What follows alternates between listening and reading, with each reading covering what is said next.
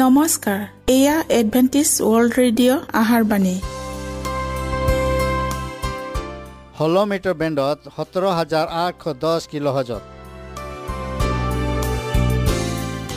Adventist world radio যোগে অসমীয়া ভাষাত প্ৰচাৰিত আহাৰবাণী প্ৰত্যেক বুধবাৰ আৰু দেওবাৰ সন্ধিয়া সাত বজাত আহাৰবাণী শুনাৰ পিছত আপোনালোকৰ কিবা মন্তব্য আৰু প্ৰশ্ন থাকিলে আমালৈ এই ঠিকনাত লিখক। আমাৰ ঠিকনাটি হৈছে Adventist world radio' seven day Adventist মণ্ডলী অসম শাখা লতাকাটা বশিষ্ট গুৱাহাটী সাত আঠ এক শূন্য দুই ন।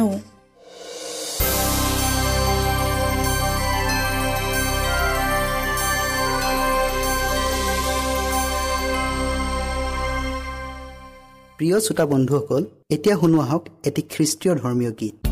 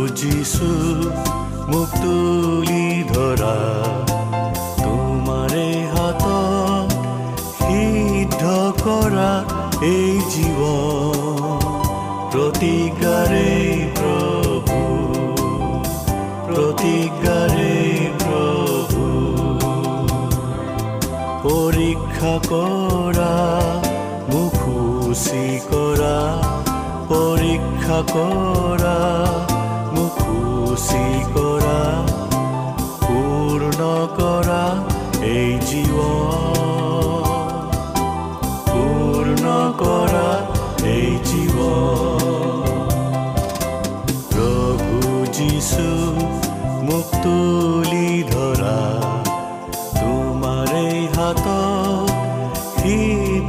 কৰা এই জীৱন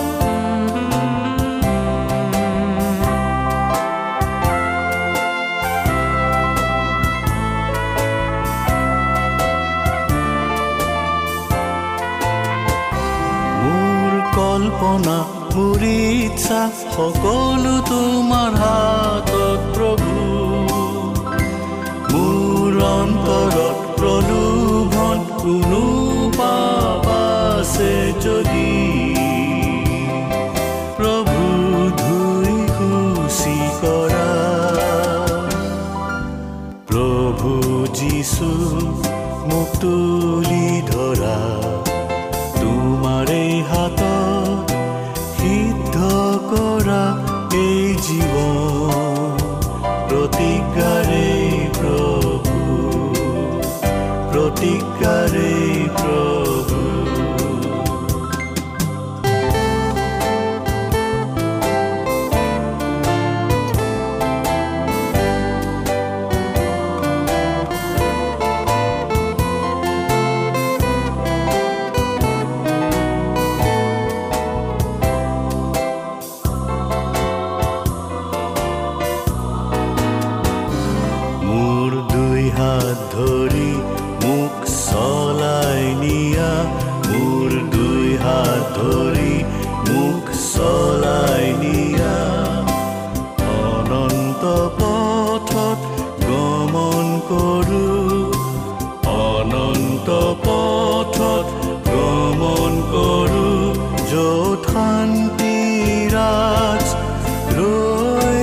আছে য'ত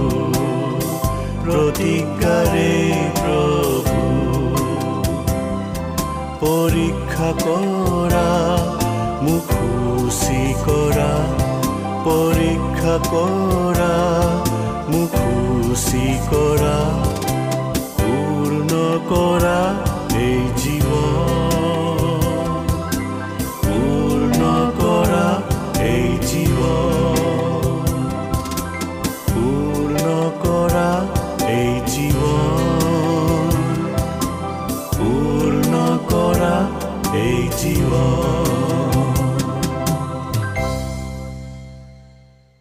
প্ৰিয় শ্ৰোতা বন্ধুসকল আহক আমি খন্তেক সময় বাইবেল অধ্যয়ন কৰোঁ হওক।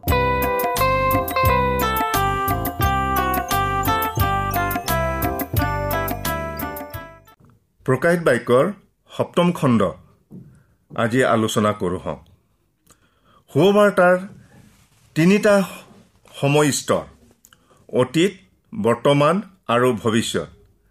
আমি জনা উচিত পুৰণি নিয়মৰে হওক বা নতুন নিয়মৰে হওক তেওঁবিলাক আৰু আমি আটাইয়ে যীশুখ্ৰীষ্টীয়ৰ সুবাৰ্তাত বিশ্বাস কৰি তেওঁৰ অনুগ্ৰহৰ দ্বাৰাইহে পৰিত্ৰাণ পালোঁ।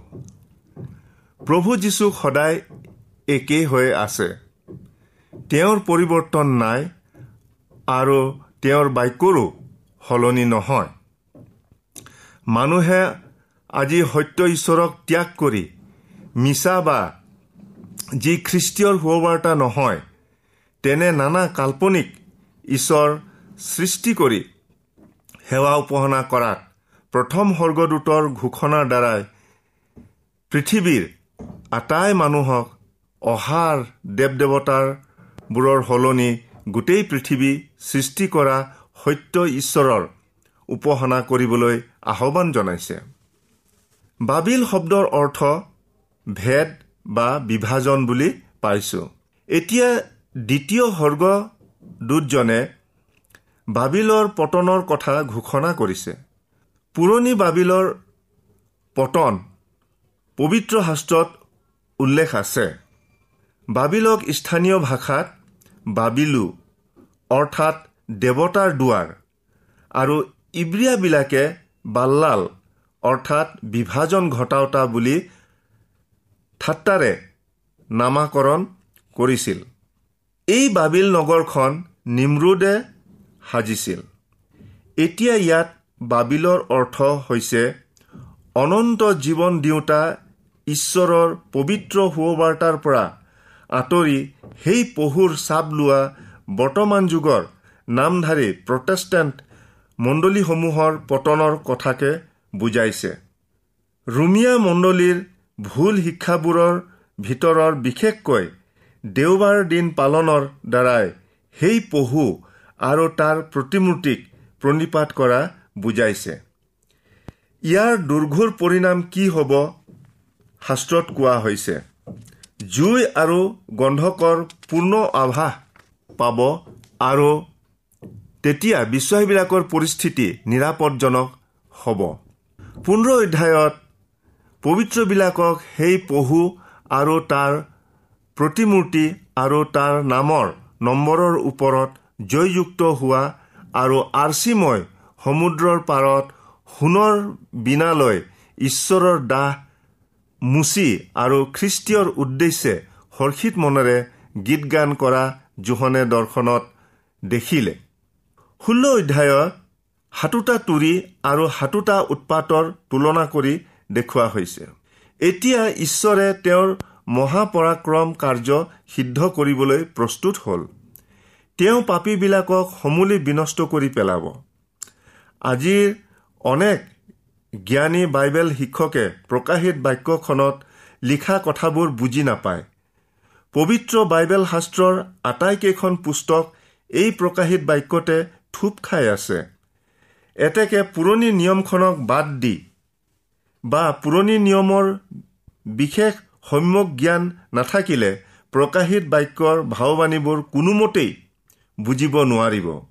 শাস্ত্ৰত ঘটা বিষয়টি আলোচনা কৰাৰ পূৰ্বেই আমি অতীত বুৰঞ্জীলৈ উভতি চাওঁ হওক নবুখাত ৰজাই যিহুদীবিলাকক বাবিললৈ বন্দী কৰি নিছিল আৰু দুখ কষ্ট দিছিল।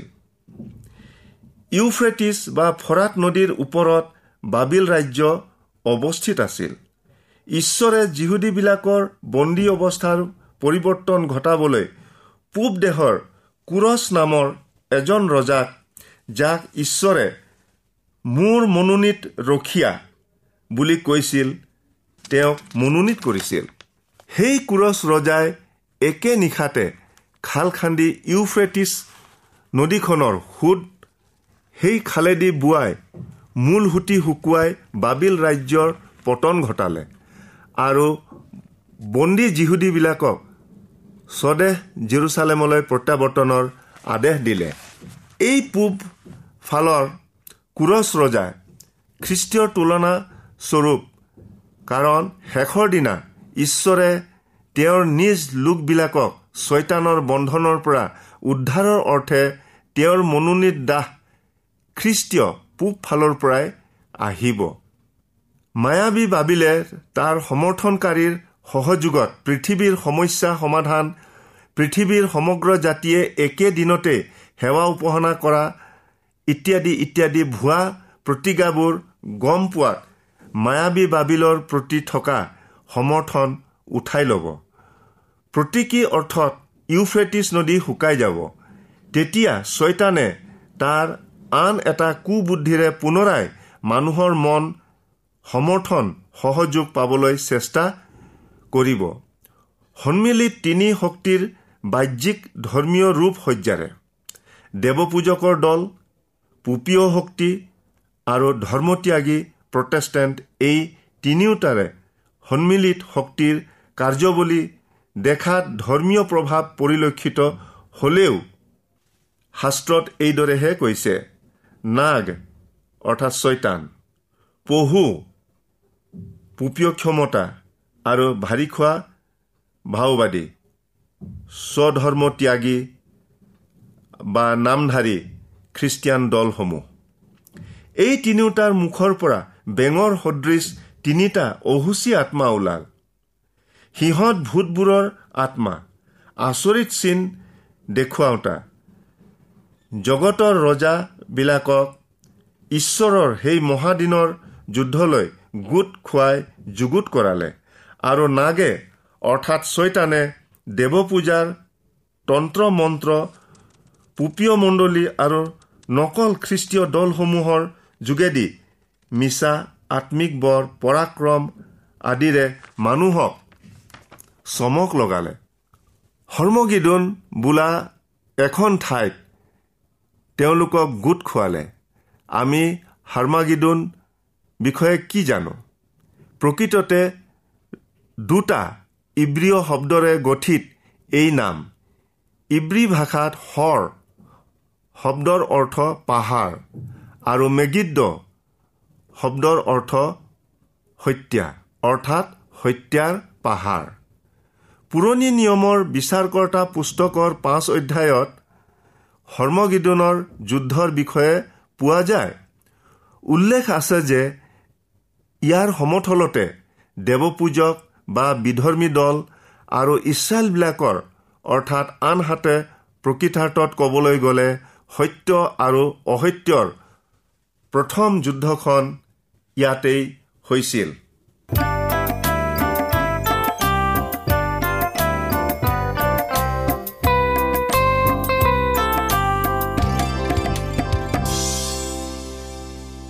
ইমানপৰে আমি বাইবেল অধ্যয়ন কৰিলোঁ এতিয়া আকৌ শুনো আহক এটি খ্ৰীষ্টীয় ধৰ্মীয় গীত।